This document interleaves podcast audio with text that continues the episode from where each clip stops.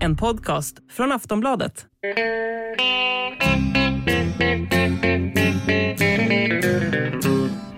Hello out there, we're on the air. It's hockey night tonight. Tension grows.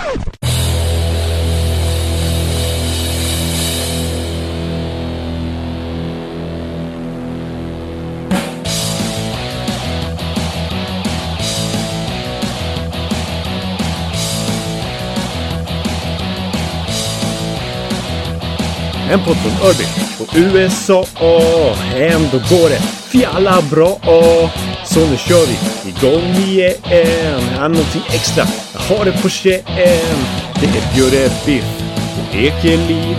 Vi dundrar fram som ett lokomotiv. och Det är one-two punch. Feet sophomore slump som firar idag. Nu tar vi avstamp för 400 avsnitt. Ni kan lita på oss, ni kan lita på oss. 400 avsnitt. Ni kan lita på oss, ni kan lita på oss.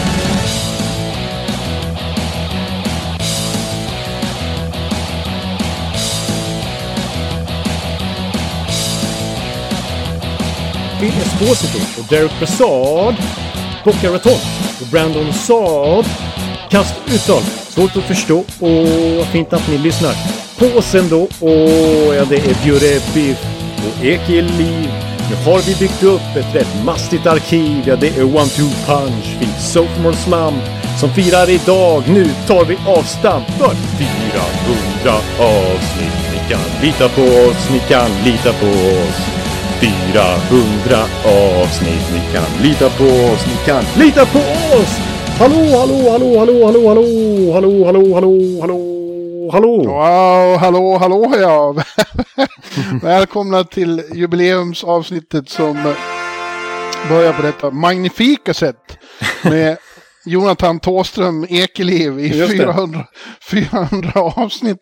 En cover på Ebba Gröns 800 grader. Det var första gången jag hörde det. Jag visste inte alls vad som skulle komma. Och jag är alldeles eh, eh, tagen. Enastående. Ja, jag, jag sa precis innan vi skulle spela in att jag tinat upp. Nu är jag svettig istället. Jag har varit ute i Stockholmskylan och nu... Ja, det där var en liten pers. Men eh, välkomna ska ni vara.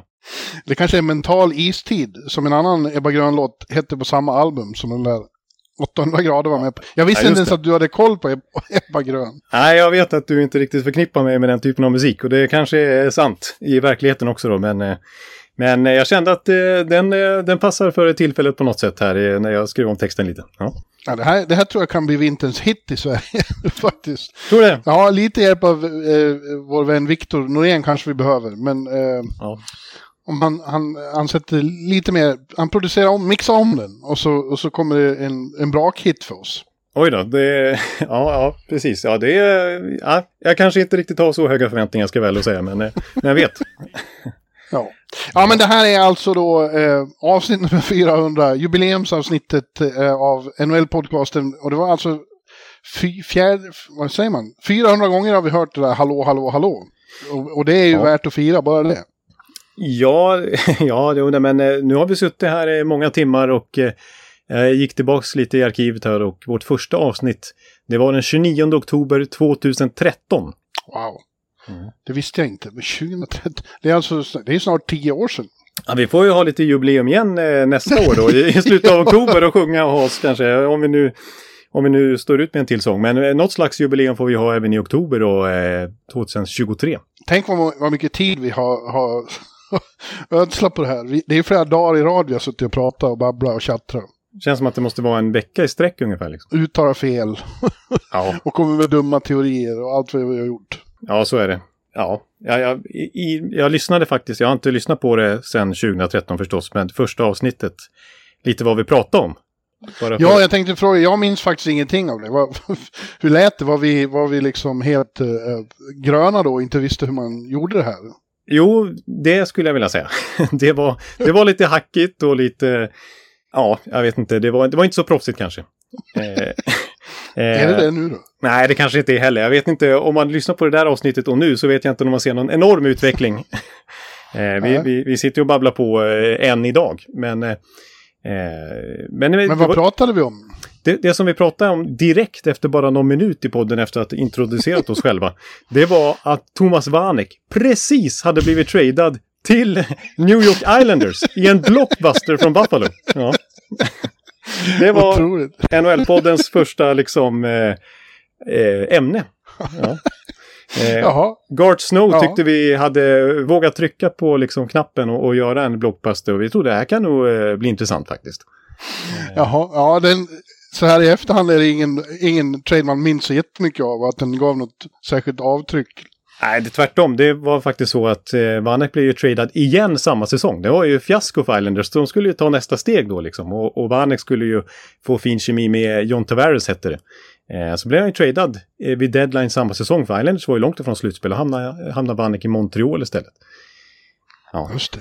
Och jag kan säga så här också. Eh, Henke Lundqvist var tydligen inne i en ganska svag period under det avsnittet. Och du berättade att ja, du har ju rätt bra koll på Henke, går på garden och du känner honom rätt väl. Och din känsla var att det är sådana här tillfällen som Henke liksom brukar ladda om och vilja ta revansch och eh, motbevisa kritikerna och sådär. Och eh, det var ju alltså säsongen 13-14 så de gick ju till final.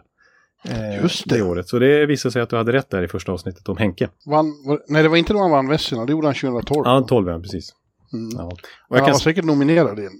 Ja, det var, det var han säkert. Jag kan säga så här att One-Two Punch i alla fall nämndes inom fem minuter. Först för första gången i poddens historia. Och eh, i slutet av eh, podden så kom det fram då, sipprade fram att jag har mina sympatier hos Tampa Bay Lightning. Och jag hade en utläggning som var ungefär lika lång som Jack Hughes eh, rekordbyte här eh, tidigare i veckan. Sex minuter eller sånt där om Tampa. Till slut fick du stoppa mig och sa att det här går inte. Om vi ska ha den här podden så, så måste du dämpa det lite kring Tampa. Du kan inte bara prata om det. Well, jag vet inte om det gav någon effekt. Nej, Det visserligen. känns, det känns som det har åter, återkommit några gånger. Långa utläggningar. Jo, ja, det har det verkligen gjort. Så att, eh, där har jag inte tagit några stora framsteg. Nej. Ja, men det var ju fint att vi var ärliga på en gång med dina Tampa-sympatier. Ja, Annars det hade nog skinit igenom ganska ordentligt. Ja, även ja det, det, utan var, erkännande. det var nog lika bra. Det tror, jag, det tror jag också. Och sen har vi kört i princip en gång i veckan med, med avbrott då för somrarna. När det inte har hänt något.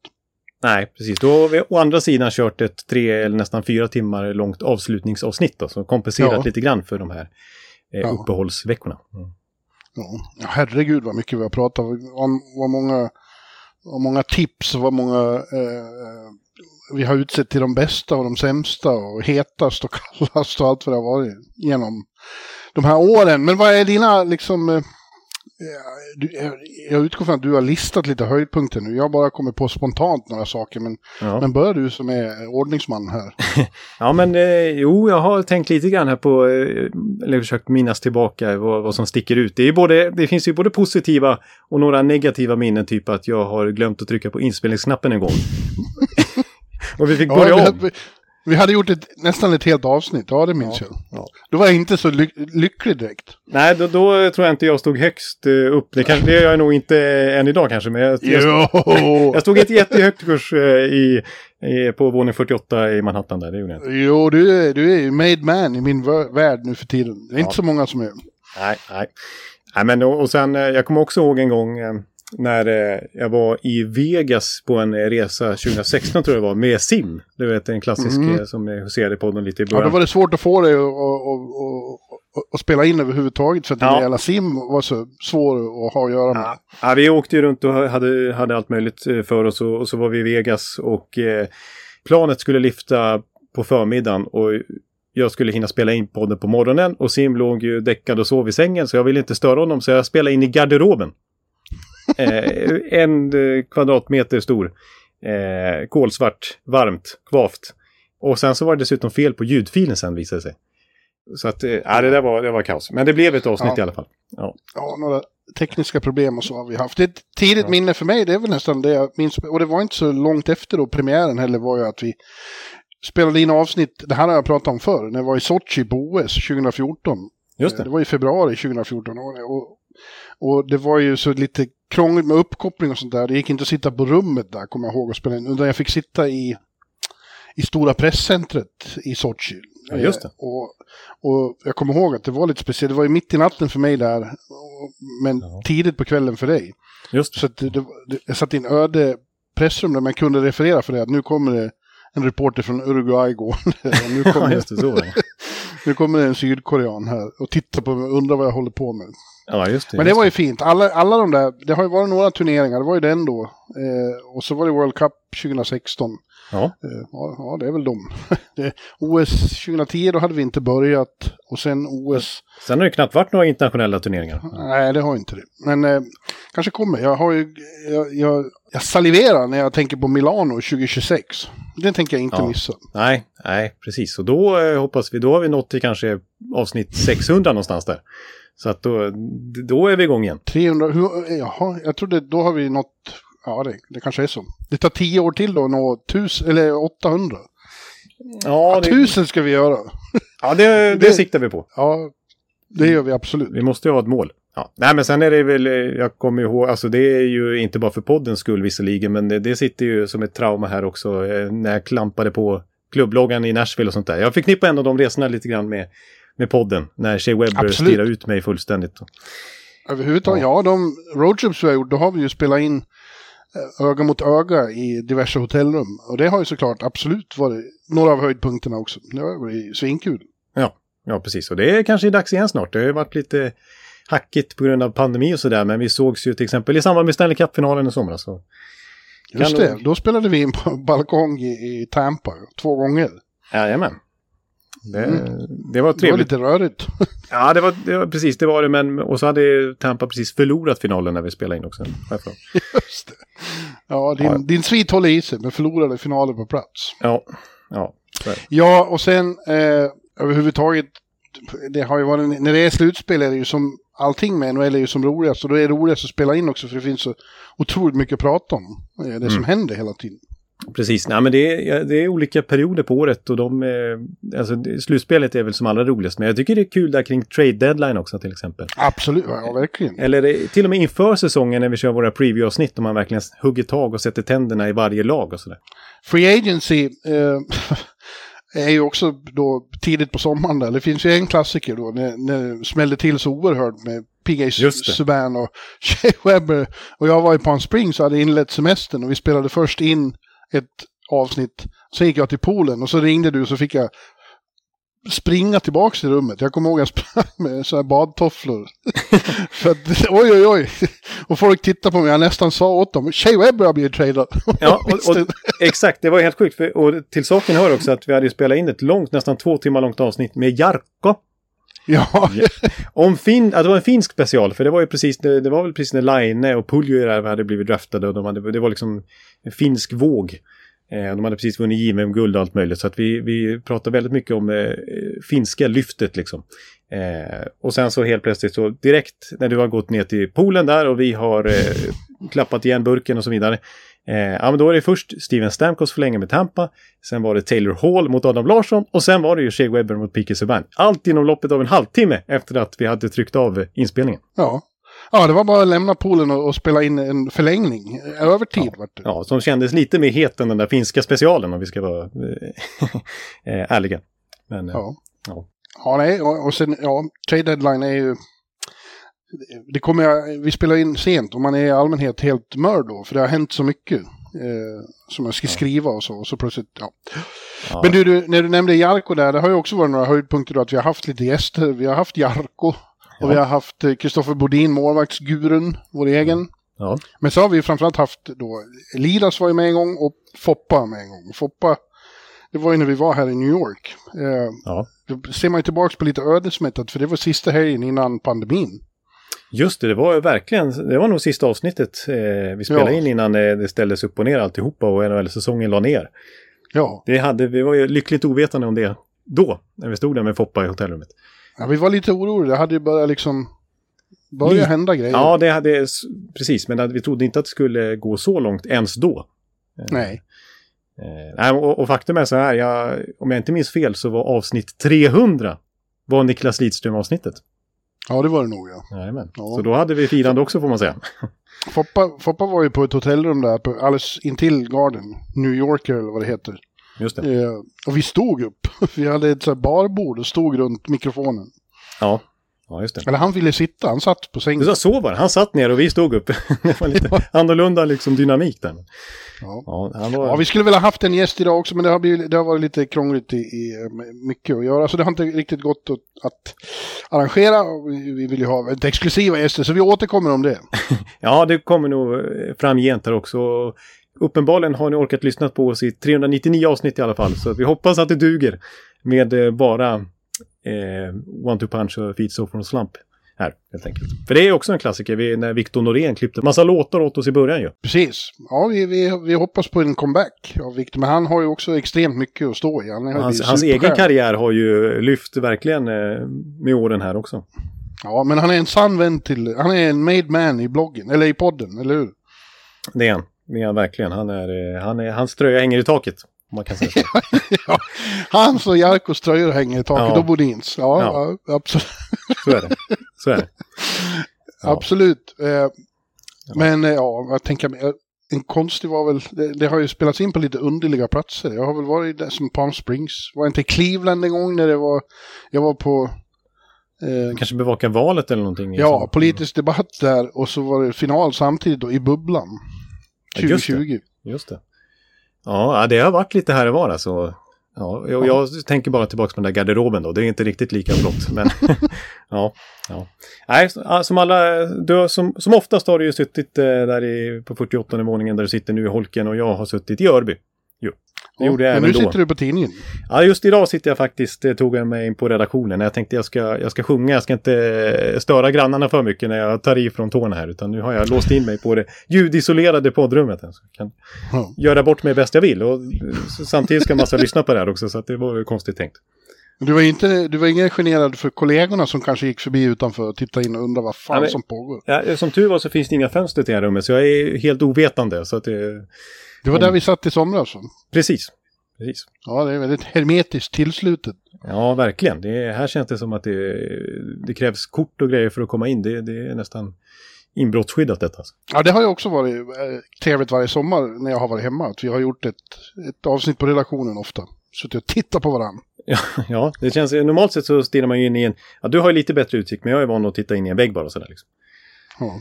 Det, det, det är min eh, vy för NHL-podden. Ja. ja, men du, vi ska inte bara vara nostalgiska idag. Men det, eh, vi, vi tog oss freden att vara det här lite i början. Eh, ja, och, och, eh, eh, men vi siktar ju rakt framåt mot 400 till. Minst. Ja, vi sa ju 1000 minst. Ja, precis. Så att vi är inte långt ifrån klara. Och samtidigt vill vi passa på att rikta ett tack till alla som lyssnar på oss. Kanske som till och med vissa har varit med ända från starten. Eh, Ja. Och utan eh, lyssnare så skulle vi lägga ner direkt. Det är ju det vi är beroende av. Så det är fantastiskt kul att det är folk som orkar lyssna på oss. Så att vi får göra det här som vi tycker är så kul. Bara prata NHL. Absolut. Tack för sällskapet. Ja. Men med det så går vi kanske in då på eh, det vi brukar eh, surra om. Alltså eh, aktuella ämnen helt enkelt. Vad som har Ja. hänt i NHL här eh, på sistone.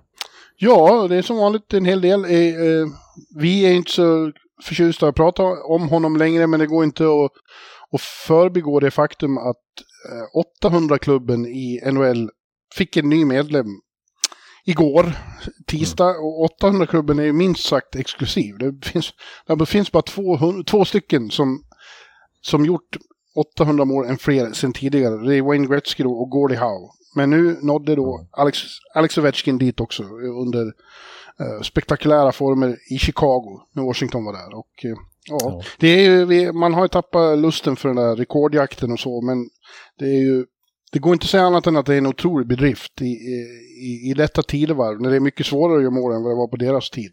Ja, precis. På, när Gordie Howe spelade så var det sex lag i ligan. Eller ja, han var, Ja. höll ju på så länge så att han var ända in på 80-talet ju. Eh, och 50 bast liksom. Mr Hockey himself. Ja. Men eh, nej, det, det, det har vi konstaterat tidigare och det är bara att stryka under det igen. Alltså ser vi till hockeyspelaren Alexander Ovechkin. Det är den bästa renodlade snipern hockeyn någonsin har sett. Alltså om, vi, Ja. om vi betraktar honom som en ren målskytt. Ja, ja Wayne Gretzky var ju mycket mer komplett hockeyspelare och han är ju verkligen inte i närheten av, av Waynes poängsnitt. Men som målskytt, för på Gretzkys tid var det ju så att, eh, tror du ojämn liga, det fanns ju riktigt dåliga lag då. Ja, ja. det gör det inte längre. Inte på det sättet. Men även om Chicago var väldigt dålig igår då. Han, Ja, ja. eh, ja. Och, och sen har han då två kvar nu till House. Eh, ja, för gå om här och bli tvåa i alla tiders skytteliga och så inleds jakten på Gretzky då. Jag trodde för några år sedan trodde jag att det var kört. Det kommer inte att bli något. Men eh, eh, nu känns det ju inte osannolikt alltså. 94 mål på, på 3-4 år. Precis, han har ju tre år kvar på sitt kontrakt efter den här säsongen. Och eh, just nu har han alltså gjort eh, 20 mål på 31 matcher den här säsongen. Ja, då han ser ju, alltså fortsätter han med det här snittet resten av säsongen, då går han ju mot sin tionde 50-målssäsong eh, i karriären, vilket bara det är ju en enorm bedrift i sig. Eh, men eh, om vi säger att, om vi ponerar då, jag har gjort en liten uträkning här, om vi ponerar att han gör 50 mål den här säsongen. Då behöver han bara inom citationstecken göra 20, ja, drygt 20 mål per säsong sina tre sista kontraktsår. Ja. Eh, han blir ju äldre och äldre visserligen, så sista året då är han 40 bast när säsongen börjar. Eh, men, ja, men nu låter det plötsligt inte helt osannolikt tycker jag. Nej. Nej, och tänk om det inte hade varit eh, lockout 12-13 och inte pandemi. Då hade han ju Just det. varit eh, på väg dit nu. Ja, just det. Då har han ju faktiskt varit väldigt nära nu förmodligen. Ja, men vi vet ju vad vi tycker om det här. Vi, vi, det, det, det är lite olustigt att NHL bara rider på uppmärksamheten kring det här. Att alla bara... Debatten om, om, om det som gäller utanför hockeybubblan har, har liksom klingat av helt. Eh, Så att, eh, ja, vi erkänner att det är bra gjort, men vi vill inte ägna någon mer eh, energi åt det. Nej, alltså han är fortfarande Putin som Instagram-profilbild liksom. Ja. Så det känns lite konstigt när det är förbehållslöst liksom. Chicago-publiken också ger stående ovationer och skriker OV, OV, OV. Ja, ja. Med, med tanke på eh, andra faktorer. Eh, men jag, jag tycker också att det, alltså, när vi ändå är lite sentimentala och, och nostalgiska i det här avsnittet så tyckte jag det var lite kul en bild som NHL själva la upp där på alla, må, alla målvakter som eh, Ovechkin har gjort mål på. Det är 165 stycken. Eh, och han har gjort mål på alla 33 lag blir det. För han har ju Mm. gjort mål på Atlanta Trashers en gång i tiden också. Det. Eh, och bara kul att att liksom se. Det var ju liksom Honken och det var Micke Tellqvist och det var Johan Hedbe, din polare, och det var Eddie Läck och det var Monstret och det var Viktor Fast. Det är eh, klart. Och det var ju Dominik Hasek, Marty Turco, Ed Belfour, Nikolaj Havibulen, Mika Kiprusov. Det kan inte finnas någon målvakt som har spelat längre som han inte har gjort mål på. Nej, nej, nej, nej, så är det ju. Eh, Brodeur också antar jag. Ja, Brodeur förstås, precis. Eh, Luongo, alla sådana här Hall of Fame-målvakter. Henke såklart kommer ju komma in i Hall of Fame också. Ja, lite så här journeyman-målvakter som man har glömt bort som var lite kul att bara se så här, typ som Vesa Toskala, Jason LaBarbera, Alex Ord, Kevin Weeks. Mm. Ja. Ja. Det är ju typ alla möjliga, alla målvakter som har stått i NHL eh, sedan eh, 2005.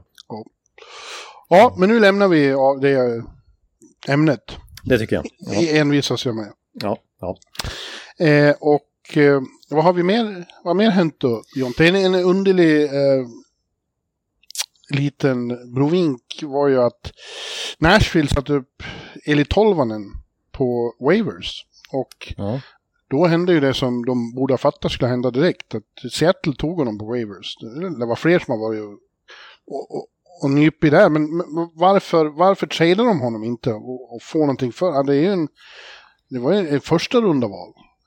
Ja, det är lite konstigt. Hans tradevärde verkar ju varit svalt också med tanke på att Seattle visst de plockar upp honom på waivers här, men de hade ju plats 23. Så det var alltså 22 lag som nobbade honom före. Alltså lag Ja, som konstigt. Anaheim, Chicago och sådana som definitivt skulle både plats i line-upen och rent capmässigt tycker man och våga chansa. Det är ju en Line-upen. line-upen ja. ja. Nej men som, som Är skulle... det en ny app som de använder? Ja, jo, den tror jag. Den har du väl laddat ner? Ja. ja. Nej, men, eh, nej, men precis. Och han är ju inte... Det är klart, han, han har ju inte slagit igenom så som man trodde när han gick i första rundan där. När han gjorde 19 mål i KHL som 18-åring. Han var ju med i OS i Pyeongchang, där visserligen utan NHL-spelare, men där kom han med i All-Star-laget för att han var så...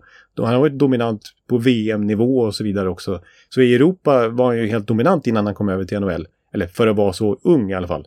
Eh, och man tänkte att det här kommer ju, här kommer, det är en tidsfråga innan han slår igenom på allvar i NHL också. Men nej, det, det har ju inte lossnat för honom. Men frågan om det om Nashville ger upp för tidigt på honom. För det blir ju spännande att se om det kan... Ja, jag tycker, jag Ja. tycker lite det. Vad fan, de, det är inte som att de har eh, fullt i ladorna liksom. Med, eh, med talang. Eh, Och det går trögt nu. Och han, visst, han har, inte, han har inte riktigt levt upp till förväntningarna, men ja, det känns som det finns mycket mer att krama ur där. Mm. Ja, John Hines, eh, tränaren i Nashville, sa ju att han, liksom, är, han, han är bra ibland. Han har haft eh, fina perioder och inte minst i powerplay är han ju vass med sitt skott. Men de har ju trots allt testat honom mycket i topp 6 också. Han har gett honom chansen med liksom Matt Duchene med Filip Forsberg, med Mikael Granlund och så vidare. I powerplay med, med Josie som kan lägga mackor till honom och sådär. Men eh, ändå så står han på en rätt klen poängskörd. Och det här är trots allt hans femte säsong nu i Nordamerika. Mm. Men så har han John Hines som coach också. Ja, det är vet ingen du vet vad jag tycker. Det har vi lärt oss i poddens historia här. Det var eh, säkert redan i avsnitt 193 eller sånt där som eh, Bjurman hade någon rant om, om eh, Heinz. Eh, men ja, vi får se. Jag, jag, jag, tror kanske att han kan passa i, i Seattle som ju ändå har... För att ofta får han ändå spela i bottom six har det blivit fel i tolvan. Så kanske det blir även i Seattle. Men deras lag är inte riktigt byggt på samma sätt. De har ju en bred spets så att säga. Kanske inte den där sylvassa franchise-spelaren men de har liksom de har ju liksom en Janni Gård som tredje center. Eh, så att det, det, finns lekkamrater för en spelare som tolvan längre ner i kedjehierarkin också. Och hans styrkor kan komma lite bättre till sin rätt kanske.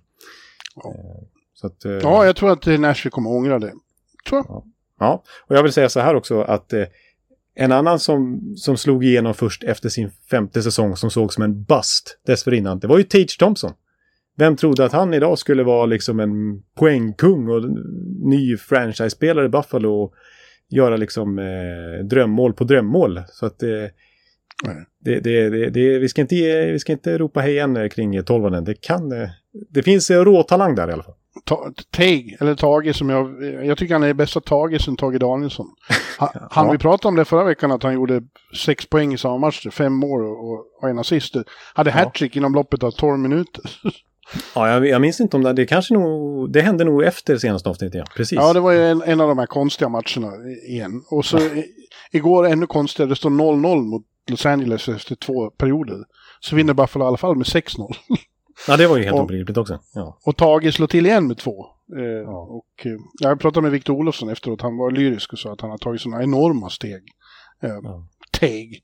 Med, med, med, med, betoning på enorma, för han gör sådana, han är ju enorm ja. som person. Liksom hans finter, det är så enorma rörelser, han har en sån enorm räckvidd. Eh, men och samtidigt otrolig teknik och liksom spelsinne så att han är... Jag skrev ett sms till dig att han känns som, nu överdriver jag såklart lite grann, men som den kompletta Tampa-spelaren i ett stycke. Han har liksom Hedmans storlek, han har Stamkos direktskott och han har Kutjerovs handleder. Känns så ibland eh, när man ser hans eh, drömmål den här säsongen. Han är ju amerikan och uppväxt i Phoenix, precis som Austin Matthews. Och de kände varandra som knattespelare. Eh, ja. Och jag såg att Matthews hade sagt att han bara väntade på att det här skulle hända. Han visste att det... Och, det, och de är ju lite likadana där med att de har det här skottet. Det är något, det är något med... Arizona-öknen? Ja. ja, som får dem att skjuta som satan. Ja, precis. Nej. Men nu är det är ju det han har adderat till sitt spel som man inte sett tidigare heller, Tage Thompson. Alltså han är ju en ren Ovechkin slash Stamkos eh, i den där vänstra tekningscirkeln i powerplay. Han kan ju bomba iväg extrema projektiler med sitt direktskott. Ja. Eh, faktiskt. Mm. Och jag tänker på vilket lag USA skulle ha i World Cup eller OS nu. Vilket är ju otroligt, otroligt bra. Ja, det är ju Eichel och det är Matthews och det är... Ja. Tage och det är Gaudreau och det är Kane och det är alla... Kachuk. Alla ynglingar, alla, alla möjliga Kachuk höll jag på att säga. ja, ja, det skulle vara jävligt spännande att se. Jag tjatar ju om att vi ska ha en, en finkamp i hockey på höstarna med de bästa på isen. Ja. Då borde de ju ha här också USA-Kanada-serie varje höst. Helvete vad spännande det skulle vara. Ja, det, man är ju, nu när man blivit rånad på internationella turneringar så många gånger här så, och visst, vi trodde att det skulle bli ett World Cup 2024, men det är ju klart nu att det ska flyttas fram det också. Ja. Tyvärr. Eh, man suktar verkligen efter det. Alltså, vilken... Visst, Kanada skulle förmodligen vinna igen för de har ju ett extremt bra, bra lag nu också. Men men eh, oj vilken konkurrens, vilken nivå det är på många landslag nu. Och till och med Tyskland liksom skulle kanske kunna, inte ja. hävda sig, men ändå eh, har flera klassspelare. Ja, Schweiz, så Schweiz. Schweiz ja. Problemet med Kanada är att de skulle kunna ställa upp med två eller tre lag som skulle vara väldigt bra. De har ju en, en helt annan bredd i, i, i, i spetsen än vad alla andra har. Ja, precis. De har ju en, eh, en, en fjärde kedja som skulle vara, konkurrera om att vara första kedja i många andra nationer. Ja, exakt. Det är ju så. Ja, ja, det där behöver vi inte gå in på nu, men snart ska vi ta ut lite landslag tycker jag, bara för att det är så kul. Ja, det är ju jätteroligt. Så det måste vi göra åtminstone efter nyår här tycker jag. Ja, Då är det dags ja. att sätta igång. Mm. Du, en annan som eh, är inte är wavad, men som har väl i princip begärt en trade och Vancouver bjuder väl ut honom också. Det är Elias Petterssons första radarkompis, eh, Brock Baser. Ja, precis. Han eh, tycks onekligen vara på trademarknaden och Pierre LeBrun och, och de här Elliot Friedman har ju varit ute och surrat mycket om det. LeBrun sa ju att han har pratat, att Alvin och Rutherford där i Canucks har pratat med minst sex eh, olika klubbar om Ja. Besser och att hans agent har varit ute och, och surrat med, med klubbar också sådär. Eh, Baser. Alltså, hans namn kommer jag aldrig lära mig. Ja, det är Besser. kanske ett, ett av få namn som jag eh, sätter rätt bra. Ja, Baser. Jag säger Baser. Ja, ja Debaser. Debaser. Han Ja. går på Debaser i Stockholm. ja. ja, nej men som du säger, det var ju Elias Petterssons första liksom eh, riktiga polare där. De var ju rumskamrater på, på alla Mm. bortamatcher och sånt där. Ja, det kanske de är fortfarande, men de var ju väldigt tajta i början. Eh, och det var ju så sent som säsongen 2021, eh, det vill säga bara 21 kan man väl säga, för det var den där rumphuggna vårsäsongen. Eh, när de bara mötte varandra inom divisionerna. Då var Besser Mm. poängkung i Vancouver, han var skyttekung i Vancouver. Och det såg väldigt lovande ut, men sen dess så har det gått betydligt trögare. Eh, Räknar man alltså från början av förra säsongen fram till nu så, så är, alltså, är han ett rent sänke faktiskt i 5 mot 5. Han producerar ingenting och det släpps in mål hela tiden nästan när han är inne på isen. Den här säsongen har han släppt in mer än ett mål i snitt per match i 5 mot 5. Ja. Eh, och, och så som sagt gör, in, gör knappt några mål i 5 mot 5. Men en sån som Eli Tolvanen har till exempel gjort fler mål än Brock Besser senaste ett och ett halvt året i 5 mot 5. Men låt mig då säga en sak. Uh, eh, det, det, det kolliderar ju delvis med att Bruce Boudreau har tagit över. Och alltid, i alla lag Bruce Boudreau tar över, så är det någon för detta stjärna som hamnar på, på kollisionskurs med Bruce. Som han inte tycker om och som han inte vill spela. Micke Nylander i Washington var en, Teemu Selänne var ju en annan i Anaheim. Det blir, det blir alltid något knas med en. Alla spelare tycker om Bruce utom en Ja, ja. i allmänhet är bra. Och jag har en stark känsla av att eh, Basser, Mm. Debaser, eh, är en sån som eh, skulle kunna må väldigt bra av ett miljöombyte.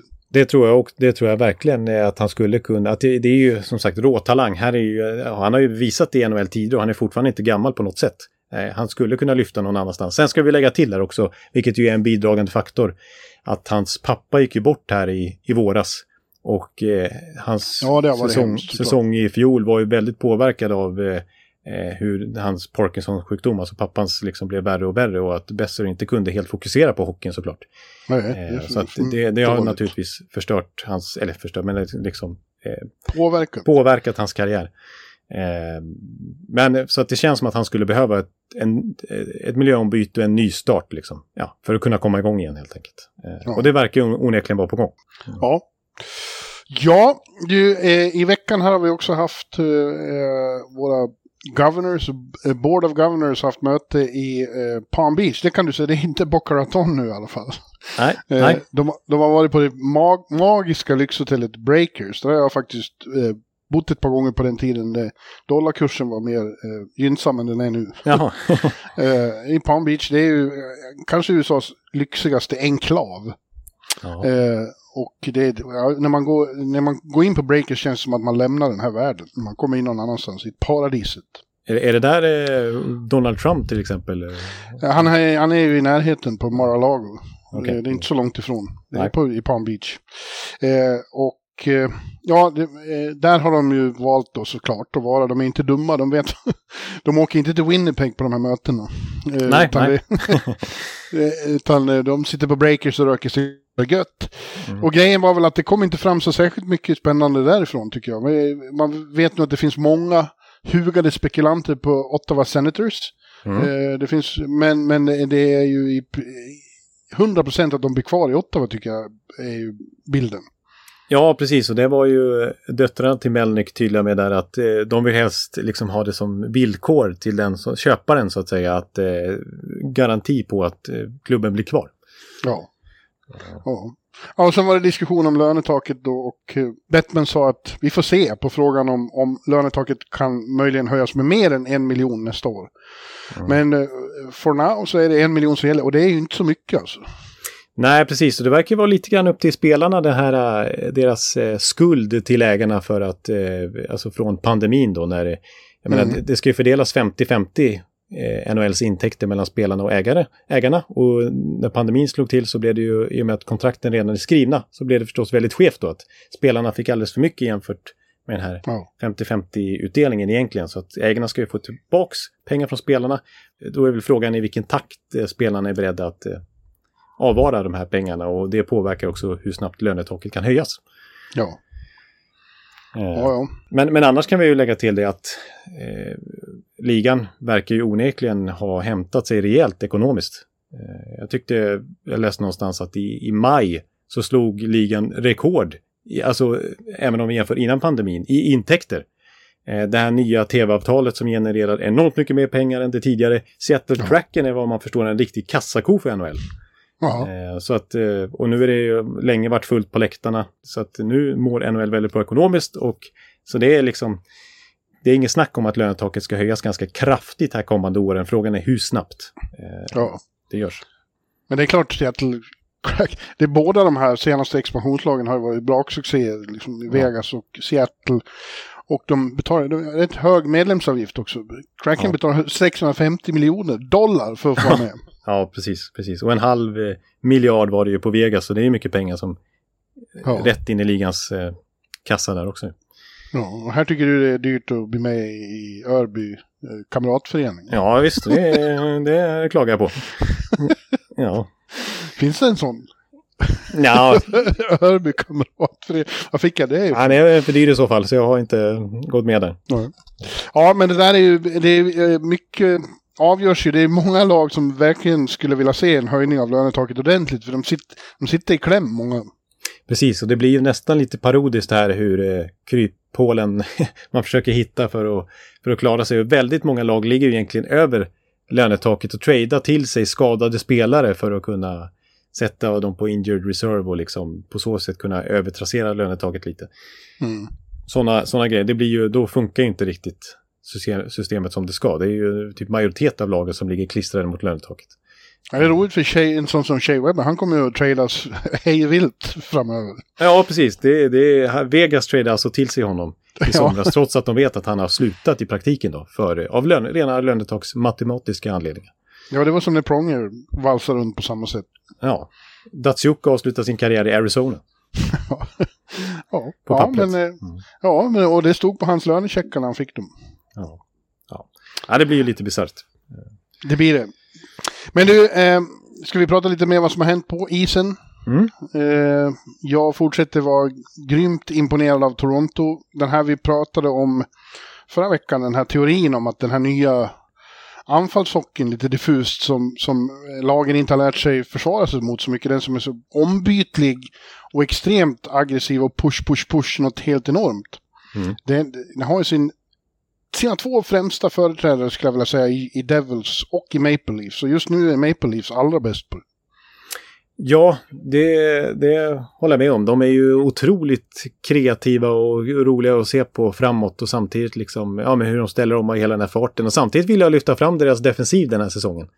Eh, Ja. Trots alla backskador, vi pratade mycket förra veckan om backparet Sandin-Liljegren, hur bra de har varit. Och att Matt Murray och Samsonov har överbevisat oss lite. Men Sheldon Keefes spelsystem överhuvudtaget, han har ju, som jag har upprepat, eh, försökt kopiera Cassidys i Boston eh, tidigare.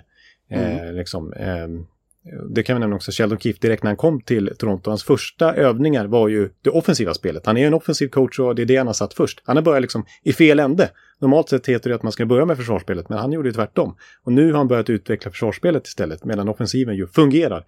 Så det är kul att se, jag tycker de börjar bli, alltså i alla fall i grundserien, vi får se hur det blir i slutspelet, men de, de ser mer och mer ut som ett komplett lag, vilket de inte har varit tidigare i Toronto. Nej. Ja, och det går så snabbt i omställningarna där. När de, från försvar till anfall. Och jag fortsatt, jag tittar extra noga på det där nu sen Iceman eh, tog upp det. Att Ja. när, när de etablerar anfall och det börjar gå undan i anfall så det är verkligen sant det att backarna är överallt. Ja. De växlar ju och, och, och oftast, men inte alltid så täcker ju då forwards upp och är plötsligt på blå linjen. Men, men framförallt så går det fort i, i positionsbytena. Liksom. Så, och, det orsakar en väldig förvirring hos, hos motståndarna. Ja. ja. Men det, Sandin, Sandin ser man ju till exempel ständigt runt kassen. ja. Men det ställ- ställer ju krav på dagens eh, backar, eh, som vi pratade om förra veckan också, att de måste vara skridskoskickliga på ett annat sätt. Eh, Verkligen. ha ett, ett annat, ett eh, liksom mer spelsinne. De måste vara nästan lite som eh, jag tycker dagens backar påminner lite grann om dåtidens tvåvägsforwards nästan. Eh, de måste Ja. både, naturligtvis ha eh, tänket hemåt också, men också vara så pass spelskickliga att de kan lira med de här eh, kanonerna offensivt också.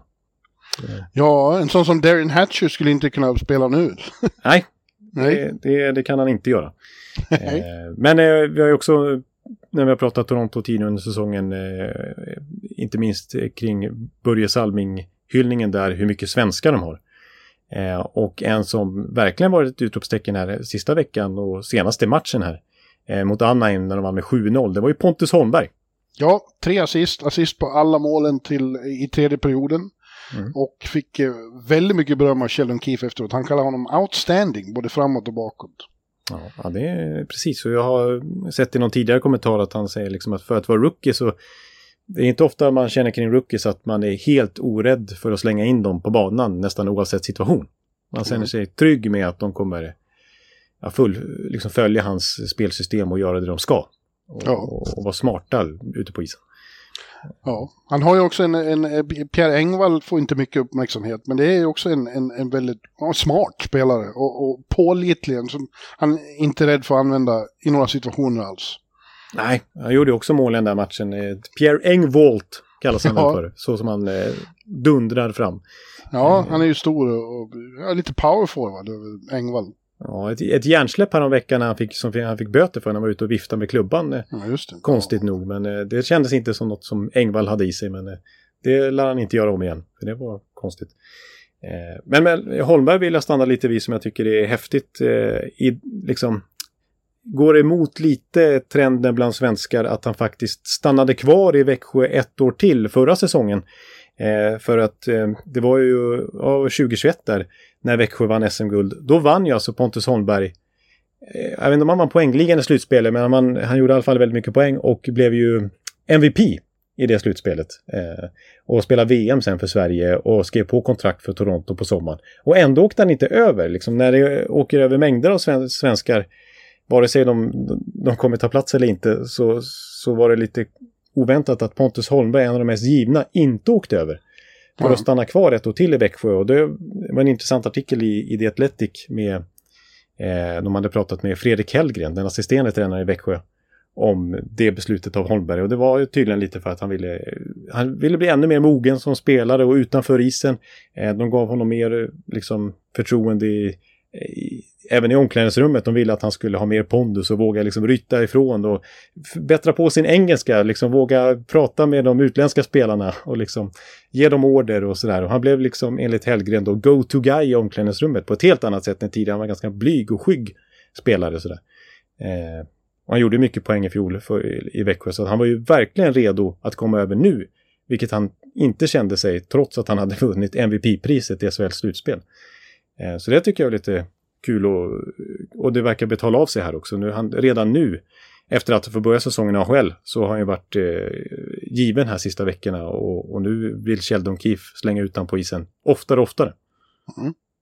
Ja, mycket kul. Ja, va- vi måste också nämna Mitch Marner. Fick faktiskt skäll i, i bloggen av, jag har en del Toronto-fans, hetlevrade i, i, Ja. i bloggen i spåret. Och de var besvikna förra veckan för att vi inte hade, när vi pratade så mycket om Toronto, och nu gör vi det igen, inte hade nämnt Mitch Marner då. För att han, han håller ju på och skriver historia varje kväll. Hans, hans poängsvit är nu 23 matcher lång. Ja, det är ju den längsta någonsin i Torontos historia, vilket ju inte säger så lite. Nej, Eh. och då är det ändå rekordet är det Mats Sundin som har. Men det hade han när han spelade i Quebec. Ja, 30 matcher. Och nu börjar det se ut som att eh, Mitch, Mighty Mitch tänker sikta på att slå sudden. ja. ja det är inte lätt alltså. Det är ju sju matcher till. Det är att kräva mycket. Liksom. Ja, precis. Ja, precis. Jag måste bara skjuta in där. Ska han nå Gretzky, då är det över 50 matcher. Jaha, är det så? Var fick jag sudden ifrån då? Ja, det, ja, men det är kanske svenska rekordet. Men varför skulle någon, varför skulle någon jämföra? ja, det är så mycket svenskar i laget som har påmint honom om det. Vet du, så att... Vad fan, så, var fick jag det ifrån? Ja, förlåt, då, då, då stryker vi det. Eller så är det för att Sundin är så kopplad till Toronto som man tror. Att... Nej, klubbrekord i, i, i Toronto har han ju. Ja, skitsamma. Ja. Han är väldigt bra i alla fall. Ja, det är han. Eh, men det, man kanske tar eh, Marner lite för givet, för han känns som en sån... Eh, det är inte... Han är ingen sån tycker jag som gör två plus två kväll efter kväll. Utan han, det är alltid något mål, alltid någon assist. Han spelar alltid väldigt mycket. Han är också en sån där, eh, lite som svenskarna, väldigt pålitlig i egen zon också. Det höjs ju lite röster i Toronto om att han skulle vara en Selke-kandidat. Så, så han, han, känns väldigt pålitlig. Jag är inte förvånad att just han gör liksom poäng i match efter match efter match. Nödvändigtvis inte flera poäng. Han är liksom inte streaky. Utan det är, han är väldigt jämn. Ja, men han är, också, han är ju en av stjärnorna. Ja. Det är ju han och, och, Matthews, Tavares och Nylander som är the big guns. Och det säger något då att de slår eh, Anaheim med 7-0 och den enda av dem som gör mål är Tavares. I övrigt är det resten av laget. Det säger något om det här hur du betraktar dem som mer kompletta nu. De är, ja. inte, de är inte helt beroende bara av, av, av Matthews och, och Marner. Trots att, trots att de där fyra så utgör hälften av totala lönekakan. Ja. ja, jag vill ju igen säga att Nylander är stort intryck på mig. Han, han är bra varje match. Förut hände det att han hade byten och matcher när han var lite, såg lite loj ut. Det händer aldrig nu för tiden. Han är, han är riktigt eh, vass hela tiden. Ja. ja, jag håller med dig. Det har varit eh, uppfriskande. Jag tycker i och för sig han varit bra ett, att man har sett det här under de senaste åren överlag. Men det, det blir allt tydligare faktiskt. Eh, ja. Framförallt den här säsongen. Eh, ja, nej, och, nej, det finns mycket där man, man kan berömma Toronto för. Alltså, under den här, de har, de har alltså spelat 15 matcher nu sedan de torskade senast i ordinarie tid, sedan de inte tog poäng. Under den perioden så är de till exempel det lag, vi berömmer offensiven här, men alltså det lag som har släppt in minst antal mål under den perioden Ilja Samsonov och Matt Murray har totalt sett den bästa räddningsprocenten under den här perioden. Så det är liksom alla delar av eh, Torontos spel klickar. Yes. Ja, de kommer hit imorgon igen. Det, det, här känns som en av de roligaste veckorna på, eh, på Garden. Eh, vi hade Devils i måndags och nu kommer Toronto under torsdagen. Och det ska bli, det känns eh, jävligt spännande att få gå dit och se. Ja, jag såg att du skrev i bloggen att du är lika given på Garden på torsdag som ismaskinisten. Ja, såvida inget händer. Ta i trä, ta i trä. Ja. Eh, man vet aldrig. Men det, ja, det är en av de matcher jag ser fram emot allra mest. Absolut. Ja. Vad säger du om, om, Rangers då, som eh, de ska möta, som ju har fyra raka segrar nu också efter att vi skällde lite på dem för ett par veckor sedan och sa att Galant kanske hängde löst och så. Ja, ja det är ju ett konstigt lag. De, de hade väldiga problem mot Chicago och mot Ottawa och sen åker de out west och slår Vegas i Vegas och Avalanche i Colorado och så kommer de hem och slår Devils också. Det är ju eh, det är rätt imponerande och de har sett bra nu, eh, bitvis i alla fall. Den här matchen mot Devils var ju väldigt konstig, då var de dåliga i första perioden. Eh, men efter halva så började de spela riktigt bra och så eh, var de, ja det var starkt. Och, och, slå tillbaka mot Devils. Ja, min känsla är efter att det gick så pass trögt där de fick en hel del skit Liksom, och Galant eh, fick lite negativa rubriker där att eh, eh de blev lite mer ödmjuka gäng. Och man, man kände, ja, igen, kände igen lite det här uh, No Quit i New York och det här uh, Vår Rangers som var så svåra och jobbiga att möta. Ja. Eh, liksom när och det här klyschan att de hittar vägar att vinna och sånt där. Att de, de ja, det Rangers börjar dyka upp igen som är svårspelat helt enkelt. Ja, exakt. Det var ju ett defining moment mitt i den matchen när, när Devils precis hade tagit ledning med 3-1 i andra perioden efter en fantastisk soluppvisning av Jack Hughes. Mm. Uh, så fick han ju strax därefter straff också. Uh, och hade han satt den och gjort 4-1 då hade nog Devils vunnit. Men istället gjorde Storken en bra räddning, uh, slog bort pucken från honom. Och sen mm. kom ju Rangers och gjorde två mål inom loppet av 12 sekunder. Och, det kändes som något vände där för dem. Ja. Ja. Men vi får se, det är så långt, man, man, eh, man tror man vet att nu kommer allt att gå bra. Men det kommer ju svackor och det kommer... Men de är okej okay i alla fall. De är inte så... De är inte på väg att tappa det som det såg ut mot, mot Chicago. Precis, det ju, kan vi ju konstatera. Då, eh, då var trenden inte alls bra för Rangers. Och det är viktiga poäng här i december att spela så extremt mycket matcher. Eh, innan, runt jul här. Alltså det, nu är det ju lunken som eh, värst höll jag på att säga. eh, och det, man får inte slira, slira iväg. Eh, så, men de har kommit på fötterna igen. Apropå eh, lag som är inne i bra form så måste vi också nämna Pittsburgh. Verkligen. Eh, de har sex raka nu och ser jävligt starka ut. Men de har ju också en liksom konstig säsong, för det var ju ett tag när de i november här när de förlorade sex eller sju raka eller vad det var. Ja, de torskade och... sju, sju raka och det var första gången sen Crosbys debutsäsong. Som de, wow. var, ja, faktiskt. Det visste jag inte. Nej. Eh, och det var det avsnittet vi snackade om, då tog vi såklart upp det i podden och tänkte vad har hänt med Pittsburgh? Är de slut nu? Nej, riktigt så sa vi inte, men vi, vi, vi pratade om det. Det var det här Mikko Rantanen, Mikko Rantanen. Det var det, det, var det avsnittet. Ja, ja. Eh, mm. Och det har hänt mycket sedan dess.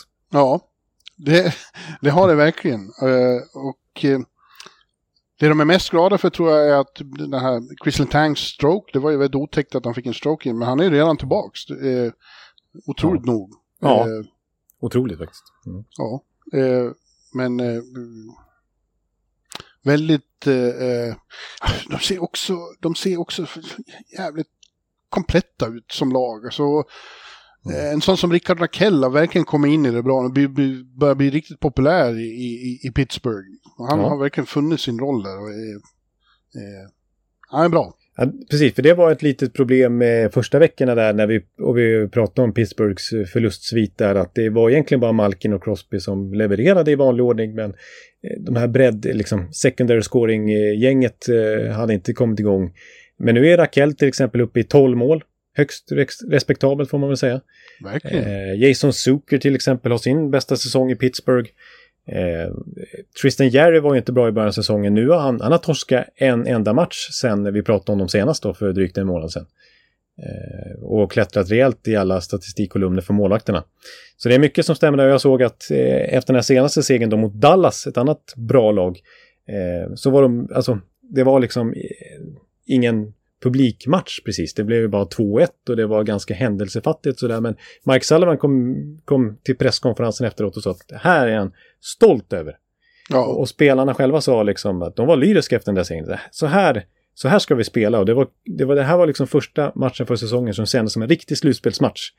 Eh, inte den här flängiga hit och dit hockeyn som det har varit under säsongen för de flesta lagen hittills utan två kom, liksom duktiga lag som kan stänga ner varandra och Pittsburgh lyckades stänga ner Jason Robertson och hela det där gänget och de bjöd inte på någonting. Och de lyckades avgöra sent genom alken. Det var liksom... Sådär vinner man i slutspelet när det verkligen gäller. Ja, ja men det, det överhuvudtaget tycker jag, jag har sett små tendenser sista omgångarna, sista veckan är att det kanske vissa matcher i alla fall har blivit tajtare. Att de eh, eh, inte blir lika mycket galenskap. Det var ju Dallas i, i New Jersey igår, det var en ganska tillknäppt match där Dallas också eh, tog, eh, saktade ner Devils lite grann. Men nu var mm. Devils också trötta efter, efter matchen mot Rangers kvällen innan. Som mm. alltid är emotionell för deras del. Mm. Ja. Ja. Eh, ja. ja. Och, och Crosby och Malkin är ju liksom, de blir inte gamla verkar det som. Nej, det verkar inte så än så länge utan jag menar, eh, jag vet inte om det står sig fortfarande, men förra veckan nämnde jag att Crosby har flest 5 mot 5 poäng i hela ligan till exempel. Och det är ju inte dåligt i hans ålder och Malkin som avgjorde den där matchen mot Dallas också är point per game fortfarande.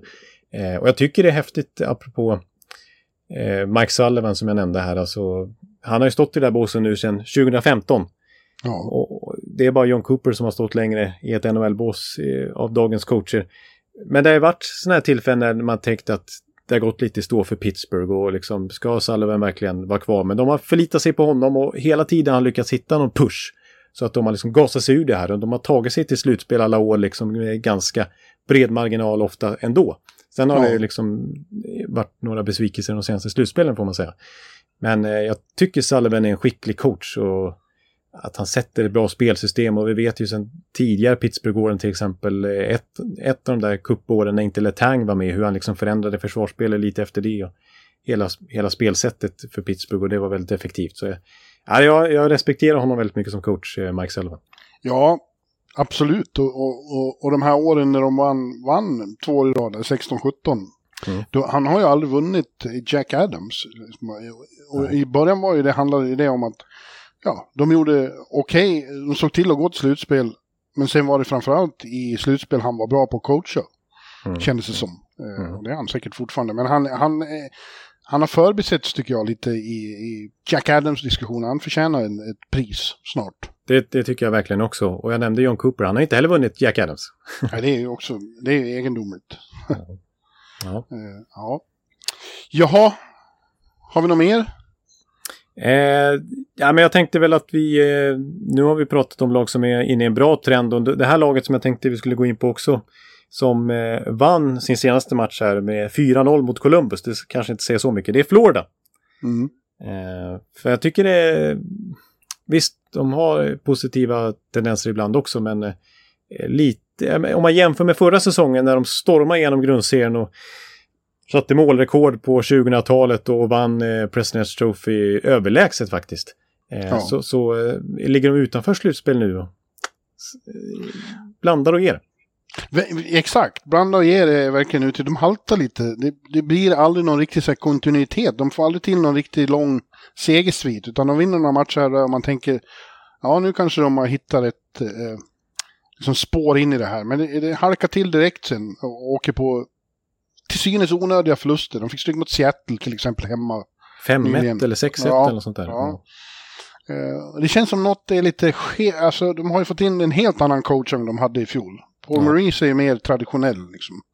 Ja. Uh, och, och, och, det känns som det är något litet glapp där i vad de vill vara och vad han vill att de ska vara.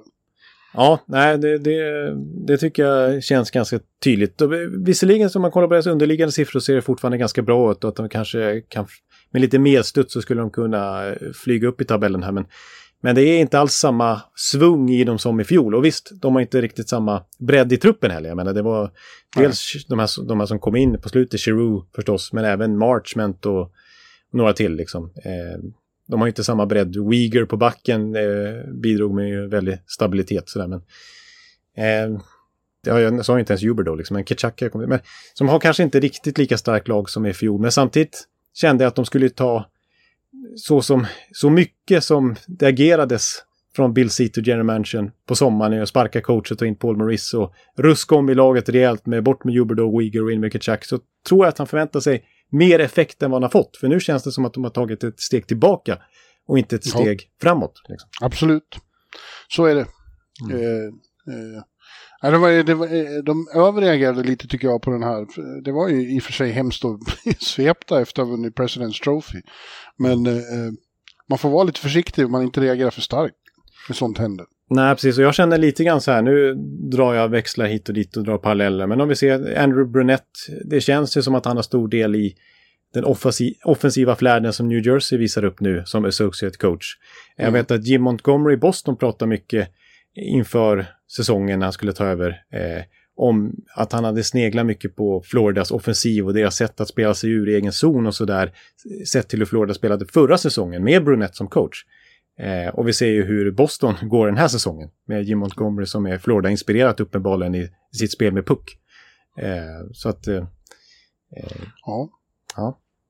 Jag vill, jag vill för övrigt bara skjuta in den parentesen igen. Att Linus Ullmarks säsong är faktiskt helt sensationell. Han har spelat ja. 18 matcher och vunnit 17 av dem.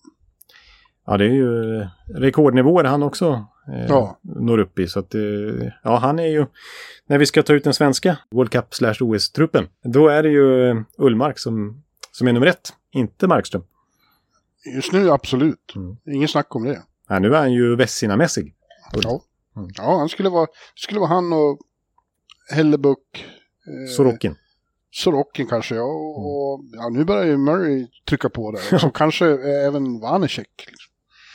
Och sen har Charlie Lindgren varit helt suverän i Washington sen, sen uh, Kemper gick sönder. Ja, just det. Han har en stor del i att de nu har fem raka och är precis under strecket igen efter en, en säsong som har känts med Ja, men efter, efter alla skador, förutom Kemper och jag menar Bäckström som, och, och, mm. och, Wilson och Connor Brown och John Carlson som varit borta mycket och likaså Tio. De har haft så otroligt mycket skador där i Washington så jag hade förstått om de hade halkat efter vid det här laget faktiskt.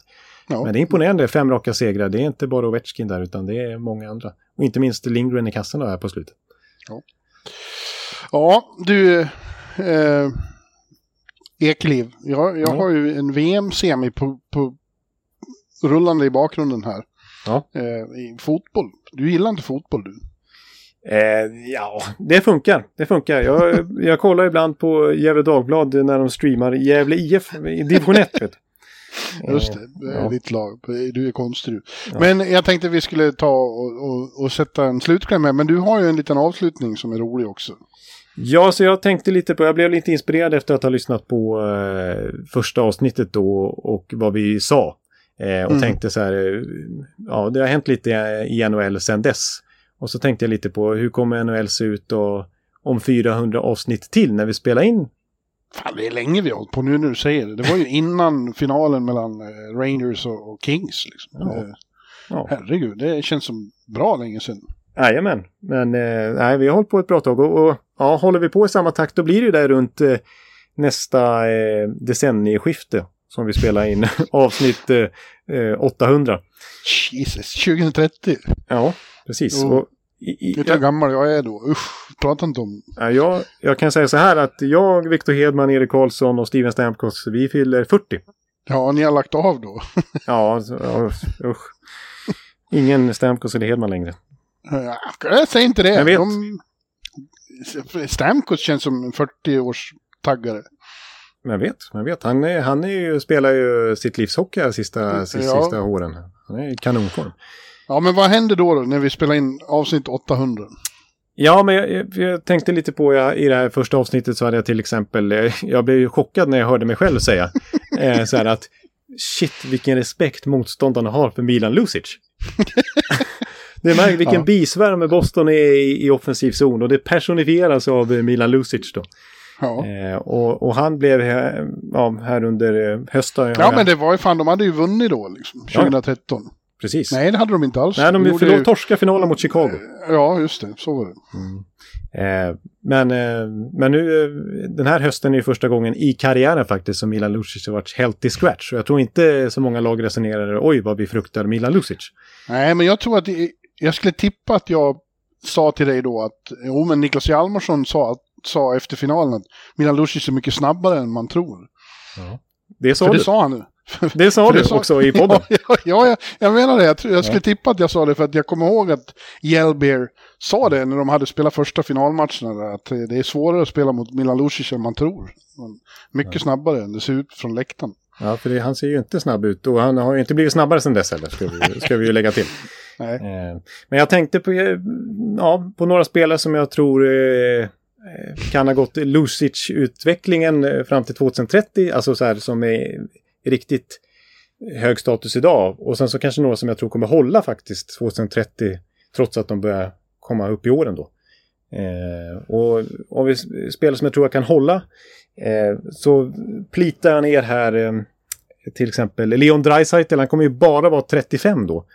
Men jag, jag tror att, jag känner att han är lite som Bäckström och Thornton sådär, att det är ju en ganska seg skridskoåkare ibland och ser lite sävlig ut. Men han lever så otroligt mycket på sin, sitt spelsinne och sin, eh, ja, verkligen sin intelligens på isen.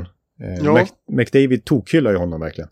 Ja, då brukar man inte, då brukar vara tvärtom, då brukar man inte tappa utan man, man lever vidare på det. Ja, precis. Så han eh, har jag i det spektrat då. Att han tror jag... Ja, okej. jag, jag tror kanske till och med... Nej, nu ska jag inte överdriva, men jag, jag, skulle, jag skulle inte bli så förvånad faktiskt om Dreisaitl eh, åldras ännu bättre än vad McDavid gör när de börjar komma upp där i 35-årsåldern. Ja. Nej, För Dreisaitl, eh, nej, han är så spel, spelintelligent och det där försvinner ju inte. Alltså, han kan tappa ett skär till och han kommer fortfarande att vara väldigt effektiv. ja. Eh, och sen skrev jag också upp eh, på det positiva spektrat då, Mika Zibanejad. Eh, som, som jag tror kommer kunna hålla länge. För att även om man tappar något skär inte blir lika produktiv så tror jag att han skulle, skulle kanske kunna göra en sån här Matt Cullen som spelade, nu var inte han alls lika bra offensivt som, som Zibanejad är nu, men som kunde spela tills han var 42 år som en så här pålitlig, stabil tredje, fjärde center. Och jag tror att Zibanejad, när han kanske är 36 och inte gör lika mycket poäng längre, så kan han åtminstone spela i NHL i 3-4 år, 4-5 år till som en bra liksom eh, shutdown-center. Eh, som många Ja. lag skulle uppskatta att ha. Jag menar, eh, redan nu spelar han mest i boxplay av alla Rangers forwards och ändå är han första bubbe också offensivt. Så jag tror Nu han gjorde Frankrike 2-0 på Marocko. Ja, det, I, ja, i, i 84, så jag tror att det är kört. ja, det, det ser ut att bli Frankrike. Det blir Frankrike i Argentina, klassisk final. Ja. Gävle som hämtar sin inspiration på tröjorna från Argentina. Han får in, han får in fucking Gävle. I, ja. Ja, Brage då. De är, de, alla är inspirerade av Brage kan jag tala om. ja okej. Mm, ja. Ja, ja, ja, då fick du in det. Eh, nej, men de som jag inte kanske tror, eh, som jag är lite orolig för, då tog jag inte någon sån här Lushits eh. För riktigt den typen av spelare finns det inte så många av idag, tycker jag. De har ju svårt att hänga med överhuvudtaget. Eh, som liksom är så dominanta som Lucic var då. Men Mm. jag, är, jag är kanske lite orolig faktiskt för såna här eh, otroligt eleganta konstnärssjälar som eh, Kaprizov, Panarin och faktiskt Kucherov. Som kommer ju vara alla eh, övre 30-årsåldern då.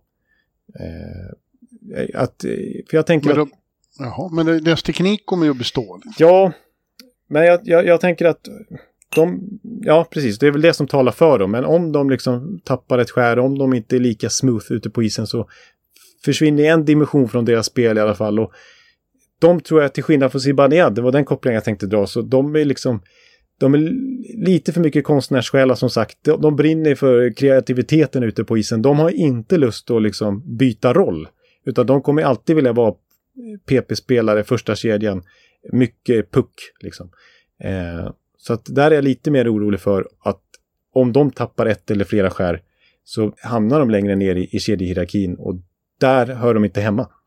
Eh, att, eh, Nej, det är sant. Det är sant. Det, då blir det... det- Då går det snabbt utför. Liksom. Precis, det är det, det är det jag är lite orolig för. För just eh, så utpräglat offensiva spelare. Jag tycker inte du behöver vara orolig. Det är bara sånt som händer. liksom. ja, precis. Och det här är långt fram i tiden trots allt. Det kommer inte vara samma spelare i ligan. Det kommer nya också. Precis, det, det är en annan take jag har. att Det kan vara så här. Att, eh, jag, ja, det är klart det kan vara det. Men, men jag, jag tippar då, säger vi. Och så får vi gå tillbaka till 2013 och se om jag hade rätt. Att, ja, kanske... Åtminstone efter Gretzky så föds, eller föds, han är redan född i så fall, men världens bästa spelare efter Gretzky åtminstone, eh, han är Brecker McDavid, kommer att spela i ligan eh, ja, någon gång fram till dess. Vem är det då? Du bara tror att det är någon som vi inte vet vem det är? Nej, precis. Ja, det är ju såklart. Det får vi hoppas. Ja, men jag, jag, och det baserar lite på grann av det vi pratade om förra veckan, liksom hur hockeyn liksom organiskt utvecklas hela tiden naturligt av att spelarna växer upp med otroligt mycket bättre förutsättningar generation för generation och dagens ungdomar liksom, eller barn har ju liksom eh, det är liksom, det är mycket, det är liksom bättre klubbor, det är bättre, all utrustning är bättre, det är, och allt det här vi pratar om, att de kan se alla NHL-matcher, highlights i TikTok i telefonen hela tiden, de matas med liksom NHL och är förebilder och inspiration och, och, och mycket liksom eh, är ju byggt för, för, att, för skills som vi sa också. Liksom. Alltså, med bättre förutsättningar så, så blir ju förutsättningar bättre också för att bli ännu skickligare. Liksom. Mm. Eh, och det passar ju i dagens hockey liksom. Som går åt det hållet mer och mer och mer. Eh, Ja. Vi får se om, om någon, som vi pratade om förra veckan, om det är någon som lyckas knäcka koden och sätta stopp lite för det så att inte målsnittet fortsätter att skena. Det går ju upp säsong efter säsong efter säsong. Eh, och fortsätter i samma takt, då närmar, sig oss, närmar vi oss fyra mål per match. Eh, 2030, medan när vi började spela in 2013 då låg det på 2,50 ungefär. Eh, så att... Eh, ja, nej, men, ja. Ja, men vi får se. Någon som är 12 år nu kommer att vara superstar då. Ja, precis. Kommer vara liksom världens bästa spelare då. Ja, vi skickar in den, eh, vi skickar in den eh, förhoppningen i framtiden. Hur många, hur många Norris Trophy kommer Rasmus Dahlin att ha vunnit? Ja, det var en eh, intressant... Eh, det, problemet är att det är sån konkurrens. Det finns ju så Ja. många Rasmus Dahlin i dagens NHL. Alltså Cale McCarr och Adam Fox och Quinn Hughes. Ja, och... men Rasmus kommer att vinna några. Jag Mm. lovar det. Ska vi säga, ska vi... Jag tycker att det är lite vågat att faktiskt slå till med två, men inte, absolut inte osannolikt. Ja, vi säger två. Ja, Och så Bra. återkommer vi 2030 då. avsnittet två, 800 ja. Precis. Ja. När jag Ja. sjunger Ebba Grön igen. Ja, Ja, precis. då Ja, är då det kanske, pass... kommer, kanske kommer någon ny låt. Då rappar du tror jag. ja, precis. Då har jag blivit rappare. Ja, Oj, oj, oj. vi är rappare i benen. Ja, ja där, nu hängde jag med. Nu. Ja, bra. Mm, mm. Nej, men vi kanske eh, nöjer oss med framtidsprofetier där. Ja, jag tror det blir så, det blir så out there. Ja, det blir väldigt spekulativt. Ja, ja men då, då, då tackar vi väl igen för, eh, sällskapet en 400 gång. Ja, precis. Eh, och vi hoppas som sagt eh, att vi håller på 400 gånger till. Minst! Minst ja! eh, så på återhörande, vi kör ett avsnitt även innan julafton som ni kan... Eh, ja, nästa vecka ska vi, ska vi fira jul. Precis, och då är det en annan poddklassiker. Då blir det rimstuga. Ja, vi hoppas det. Ja. jag börjar så smått. Ja, okej. Okay. Spännande, spännande. Några riktigt usla har jag på, på lager. ja, ja. Har ni, ni lyssnare något, eh, något rim på lager så kan ni mejla någon av oss så kanske vi kan eh, smyga in det i podden också. Det kan vara kul. Ja, vad rimmar Ekeliv på? Eh, ja, jag rimmade ju Ekeliv här i låten på arkiv. Ja, just det. Mm. Ja, du är en riktig arkivarie. Ja. ja. Nej, men då säger vi tack för, för den här gången och uh, ha så gött. Jag skulle egentligen ha gått ut och fira med några eh, anonyma, eller för, inte anonyma, men uh, bloggläsare som, som uh, jag ju bara känner genom kommentatorspåret sedan många år då. Mm. Mm. och vi skulle ses på bar ikväll och fira det här 400 avsnittet. Men oh. vi har inte riktigt fått ihop det. Men någon gång ska vi göra det.